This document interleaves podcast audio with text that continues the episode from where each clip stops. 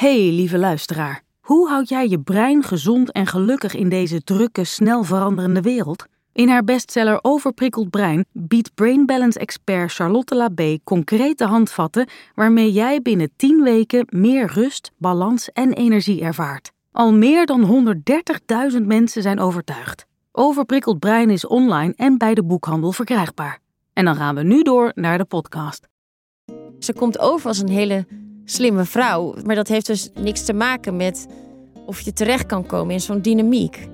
Nee, dat klopt. Liefdesbang heeft niets te maken met intelligentie. Het kan echt iedereen overkomen. Maar soms is het voor de omgeving zo overduidelijk van... hé, hey, zie je niet waar je in zit? En toch, degene die daarin zit, ziet het zelf niet. Dus die blinde vlek, die is er, maar die komt vaak voort ook weer uit vroege ervaringen waar je geleerd hebt om aan je waarneming te twijfelen. Welkom bij Lieve Hanna, een podcast waarin ik brieven beantwoord over de liefde. Jullie brieven. Over bindingsangst en verlatingsangst. Ik ben auteur en therapeut Hanna Kuppen. Bekend van het boek Liefdesbang. En ik ben Rachel van der Poel, jouw sidekick. Met deze podcast hopen wij wat inzicht en perspectief te geven aan wie dat nodig heeft. Misschien jij wel. Vandaag behandelen we de brief van Nadia, die volgens eigen zeggen alleen maar rare mannen aantrekt. Pech of is er meer aan de hand? Lieve Hanna, hoe weet je of je gewoon vette pech hebt in de liefde of misschien toch iets van bindings- of verlatingsangst hebt? Misschien kun jij me helpen met het antwoord op deze vraag, zodat ik het hopelijk in de toekomst allemaal beter aan kan pakken. Want zoek ik nu bewust of onbewust steeds de verkeerde uit? Of ben ik de ware, tussen aanhalingstekens, nog niet tegengekomen? Mijn verhaal is als volgt. Vijf jaar geleden ben ik na een huwelijk van 15 jaar gescheiden. We konden geen kinderen krijgen en dat heeft ons uiteindelijk kapot gemaakt. En nu lijkt het of ik sindsdien, lach niet, want ik chargeer enigszins, alleen maar psycho's aantrek. Geen tientallen, maar wel bijna een hele handvol. Vier dus. Mannen die op het eerste oog heel leuk en normaal lijken, maar langzaamaan totaal ongeschikte partners blijken. Opgezond ging het ongeveer zo. Het begon met een man die mij zo ongeveer aan zijn verwarming wilde vastketenen. Het niet dulde dat ik mannelijke vrienden zou hebben en mij obsessief belde tot ik opnam. Toen kwam de man die tijdens onze relatie twee andere vrouwen zwanger maakte. Nou ja, drie, maar eentje kreeg een miskraam. Daarna kwam de man die mij een jaar lang alle boodschappen, vakanties en etentjes liet betalen, behalve op mijn verjaardag. Ik besef trouwens dat ik hier totaal over mijn eigen grenzen ging. Maar dat besef kwam veel te laat, want ik had eerst niet door dat ik steeds stond af te rekenen. En onlangs, tot een paar weken geleden, was er de man, die ik overigens best leuk vond, die het altijd zo druk had dat we elkaar maar eens in de twee weken zagen. Oh, en als we seks hadden, dan wilde hij niet dat we bij elkaar bleven slapen. Want de volgende dag had hij het weer heel druk en hij sliep slecht of zo. Daar heb ik net een punt achter gezet. Want zo kun je geen relatie opbouwen. En dat is wel wat ik wil. Een liefdevolle en positieve relatie. En het liefst voor de eeuwigheid en met een ring om mijn vinger. En hoewel ik dit allemaal met een knipoog en een lach vertel, doet het me veel verdriet. Niet de mannen per se, daar kom ik altijd wel overheen. Maar dat ik alleen ben. Ik voel een gemis in mijn leven. En zou zo graag het dagelijks met iemand willen delen. Ochtends twee koppen koffie zetten in plaats van één. Het is alsof iets behoorlijk mis is gegaan in mijn leven. Alsof ik een afslag heb gemist. Zou het in mijn jeugd zijn begonnen? Ik deel mijn achtergrond. Ik ben opgegroeid in een gezin met een Arabische moeder en een Europese vader. En heb in mijn jeugd vooral in het buitenland gewoond. Mijn ouders hadden een functioneel huwelijk. Niet altijd heel warm, maar ze konden op momenten wel enorm met elkaar lachen. En dan zag ik hun band heel goed. Ook niet onbelangrijk, mijn moeder is drie keer getrouwd geweest.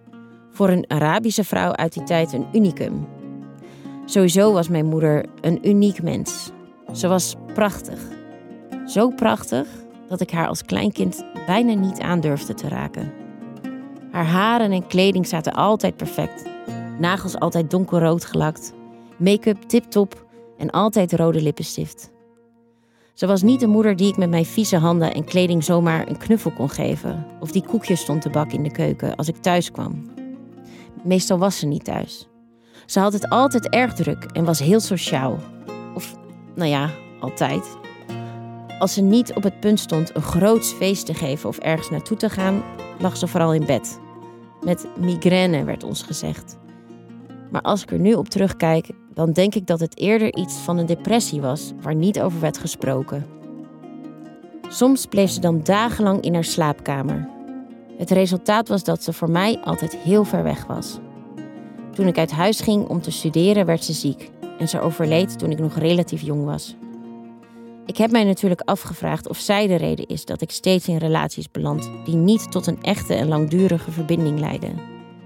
Ik heb je boek Liefdesbang gelezen en herken die dynamiek van aantrekken en afstoten, die dans, niet in mijn relaties.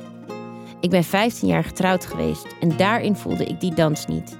Ik leef bewust, ik sta in contact met mijn gevoel. Ik heb wel 20 jaar therapie gehad, mediteer dagelijks en voel me niet ongelukkig over mezelf. Behalve die eenzaamheid natuurlijk. Ik geloof oprecht dat ik sinds mijn scheiding steeds pech heb met wie ik tegenkom. En toch, zoveel pech? Zou ik het dan toch zelf opzoeken? Dus mijn vraag. Lees je in mijn verhaal een commitment issue? Of kan het gewoon jaren duren voordat je weer liefde vindt na een scheiding? Liefs, Nadia. Een heel groot verhaal, uh, maar met één duidelijke vraag. Gaat het hier om pech of bindings- of verlatingsangst? Ja, interessante vraag. Um, er komt van alles in mij op als ik uh, deze brief hoor. En wat mij vooral opvalt is dat ze na haar scheiding ja, vier onbeschikbare partners aantrok die nogal behoorlijk extreem zijn in hun dynamiek. En dat ze daar eigenlijk niet echt vraagtekens bij stelt waarom ze juist deze partners aantrekt. Dus als je het mij vraagt, zou ik echt wel zeggen dat hier sprake kan zijn voor best wel een enorme blinde vlek. Ja. En ja, weet je, deze partners zijn, zijn zo onbeschikbaar. En ze stelt eigenlijk niet de vraag van hé, hey, en wat is mijn aandeel in deze dynamiek? Waarom trek ik deze partners aan? Want ja, eentje kan toeval zijn, maar vier die zo extreem op elkaar volgen. Um, ja, ze noemt ze ook psycho's. Ja, inderdaad. En eigenlijk, ja, leg je daarmee ook meteen een oordeel op die partners, maar vraag je jezelf niet af van hé, hey, en ik dan? Wat, wat doe ik hierin? Dus ja, ze kijkt nog niet echt in de spiegel, zou ik zeggen. Nee, ja, ik moest tijdens het lezen soms ook bijna mijn lach inhouden. Want ze, schrijft het bijna als een soort comedy show. Dat is heel grappig. Vooral van, oh, ik heb pas na een jaar door dat ik, dat ik gewoon in de hele relatie alles voor iemand heb betaald. Ja. Maar die toon, hè, ze schrijft hele impactvolle gebeurtenissen met Precies. heel veel afstand. Ik, ik voel in ieder geval afstand in de brief. Ja, ik denk dat je dat goed voelt. Ik, ik voel hetzelfde. En ehm, ja, je voelt ergens dat ze gewoon ergens overheen stapt. Hè? Dat, ze, dat ze gewoon niet echt werkelijk contact maakt met, met wat ze vertelt, wat ze deelt. Want het zijn zo'n grote dingen. Het lijkt wel alsof het of de brief over iemand anders gaat. Ja, en precies. Niet, en niet over haar. En eigenlijk uh, in wat ze beschrijft over het contact met haar moeder, hè, vooral vanuit ook haar kind zijn, ja, voel je eigenlijk dezelfde afstand en dezelfde tussenruimte die daar speelt tussen, tussen haar en haar moeder. Dat ze zegt, ja, ik durfde mijn moeder eigenlijk niet aan te raken. Ze was zo perfect. En hè, ze zegt, moeder voelde zo ver weg voor mij. Um, het is bijna een filmscène. Tenminste, ik zie het gewoon ook helemaal ja. voor me. Zo'n prachtige vrouw en dan zo'n meisje die dan haar eigen moeder niet durft aan te raken. Het is heel... Ja, het, is, het, voelt heel schrijnend. Ja. Het is, moeder is zo onaanraakbaar en zo op afstand. En ja, en ze heeft het tussen de regels door ook ja, over die eenzaamheid. En dan, dan kan ik haar even voelen. Ja. Maar ook dan gaat het heel snel weer door. Maar bij die eenzaamheid, daar zit volgens mij een groot deel van de kern. En ja, als je kijkt naar in ieder geval de geschiedenis van die moeder, in, want daar deelt ze wat over. Hè? Het functionele huwelijk, moeder die drie keer getrouwd is.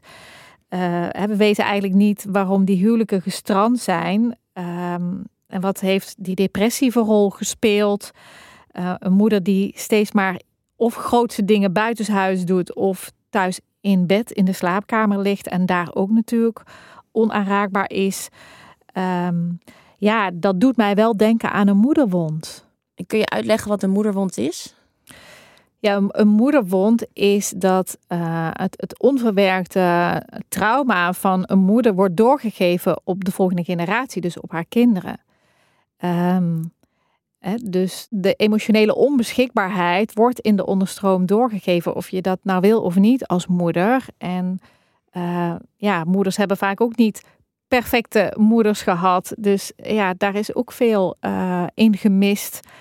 En als ik hier naar haar kijk, dan denk ik, ja, uh, met deze moeder heeft zij, heeft zij niet gekregen waar ze echt behoefte aan had. En ja, daar is een, daar is een tussenruimte en afstand ontstaan. Ja, als je trouwens meer wil lezen over de moederwond, in de show notes delen we ook een aantal interessante artikelen hierover uh, op inspirerend leven van Hanne. Dus dan ga jij er in ieder geval dieper op in. Ja. Ja.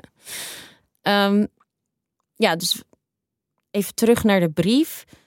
Nadia doet luchtig, maar ze zegt dus wel: ik voel me eenzaam.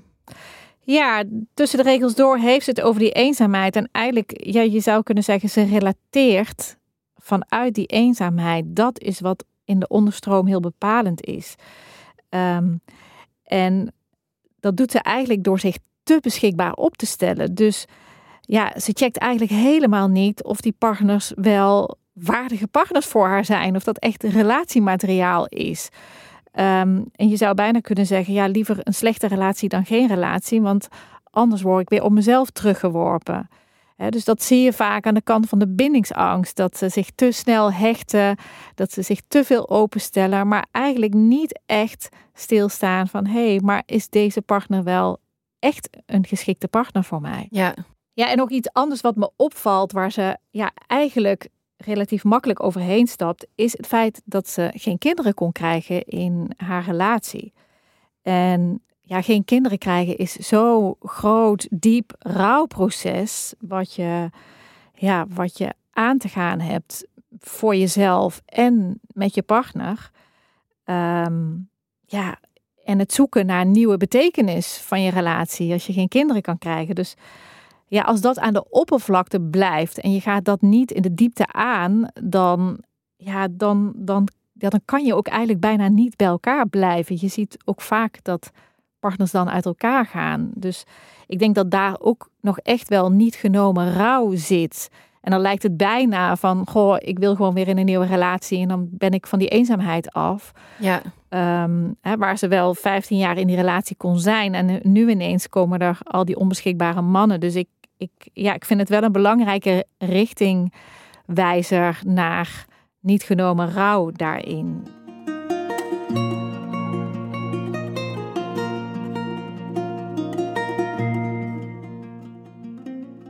wat mij dus ook weer opvalt, um, het is echt een, eh, ja, het is een goed geschreven brief. Ik zei al, het is bijna een soort film wat je aan je voorbij ziet gaan. Um, maar ja, er zijn zulke duidelijke alarmbellen bij die partners die ze allemaal aantrekt. Dat je denkt van ja, hoe, hoe, hoe kan je dat niet zien? Weet je, maar ze komt over als een hele slimme vrouw. Dat, dat, maar dat heeft dus niks te maken met of je terecht kan komen in zo'n dynamiek.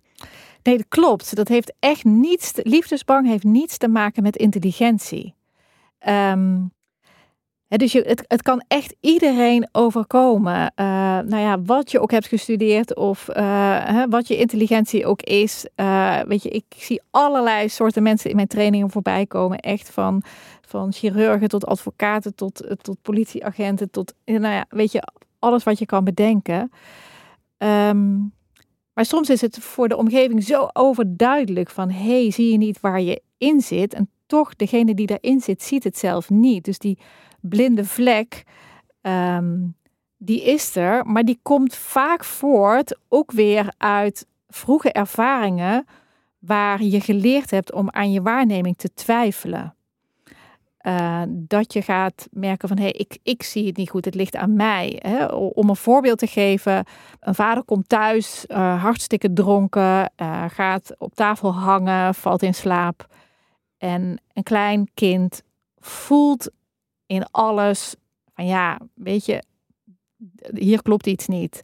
En als moeder dan bijvoorbeeld zegt van, goh, papa is moe, dan voel je als kind, ja, maar dat is niet alleen maar moe. Dat, daar, daar, hier is ook nog iets anders aan de hand. Maar omdat mama zegt, ja, papa is moe, dan ga je denken, nou, ik, dan zie ik het niet goed, dan voel ik het niet goed, dan neem ik het niet goed waar. Het, ja, want mama is toch wel de autoriteit die gelijk hoort te hebben. Dus vanaf dat moment ga je aan jezelf twijfelen en aan je eigen waarneming twijfelen. Je doet er als het ware een sluiertje voor. Hè? De, de pijn moet bedekt worden. Ehm, en dan ga je dus ook later uh, dat vertroebelen. Dan ga je daar ook een sluiertje voor doen. En ga je het ook dus echt letterlijk niet zien. Terwijl iedereen om je heen lijkt het te zien, maar jij niet. En ja, dat verdoezelen van de realiteit, daar een sluiertje voor doen, heeft niets te maken met intelligentie. Als we dan teruggaan naar hè, de, de, situatie van Nadia met haar moeder, dan lijkt dat één op één wat jij nu beschrijft, daarvan toepassing. Zij, gaat zij voelt eigenlijk aan alles, er is iets niet. Precies. Het gaat eigenlijk helemaal niet zo goed met mama, maar er wordt, haar, er wordt niet over gecommuniceerd. Er wordt eigenlijk geen duidelijkheid nee. gesteld. En pas achteraf zit ze te beredeneren van nou ja, waarschijnlijk was het een depressie. Ja, en dat kan je eigenlijk ook pas achteraf gaan toelaten. Want stel je voor, als klein meisje ben je afhankelijk van je moeder, dan is die waarheid veel te verpletterend. Om dan ten volle te beseffen, de realiteit, dat, ja, dat je moeder met een depressie in bed ligt, dat het eigenlijk helemaal niet goed met haar gaat. En ja, waar je eigenlijk niet bij mag komen, terwijl je zo'n diepe behoefte hebt aan die verbinding en daarin te mogen ontvangen van je moeder, dat is een waarheid die te verpletterend is. Die kan je ook niet toelaten als kind. Maar is het dan toch niet beter om hè, bijvoorbeeld als, als vader of moeder in ieder geval in verbinding de waarheid wel te vertellen, in plaats van dat je ja, constant aan jezelf gaat twijfelen? Is er dan niet een betere manier om, om met moeilijke dingen om te gaan? Want, want we komen nou eenmaal moeilijke dingen tegen. Ook als kinderen. We hebben zieke ouders. Weet je wel, mensen vallen weg. Is er dan geen betere manier om over te communiceren? Uh, ja, zeker. Ik denk dat het, dat het heel belangrijk is dat, dat ouders kinderen uh, spiegelen en meenemen in ook wat de realiteit is. Kinderen kunnen daar volgens mij vaak veel beter mee omgaan dan, uh, dan, wat we, dan hoe we denken.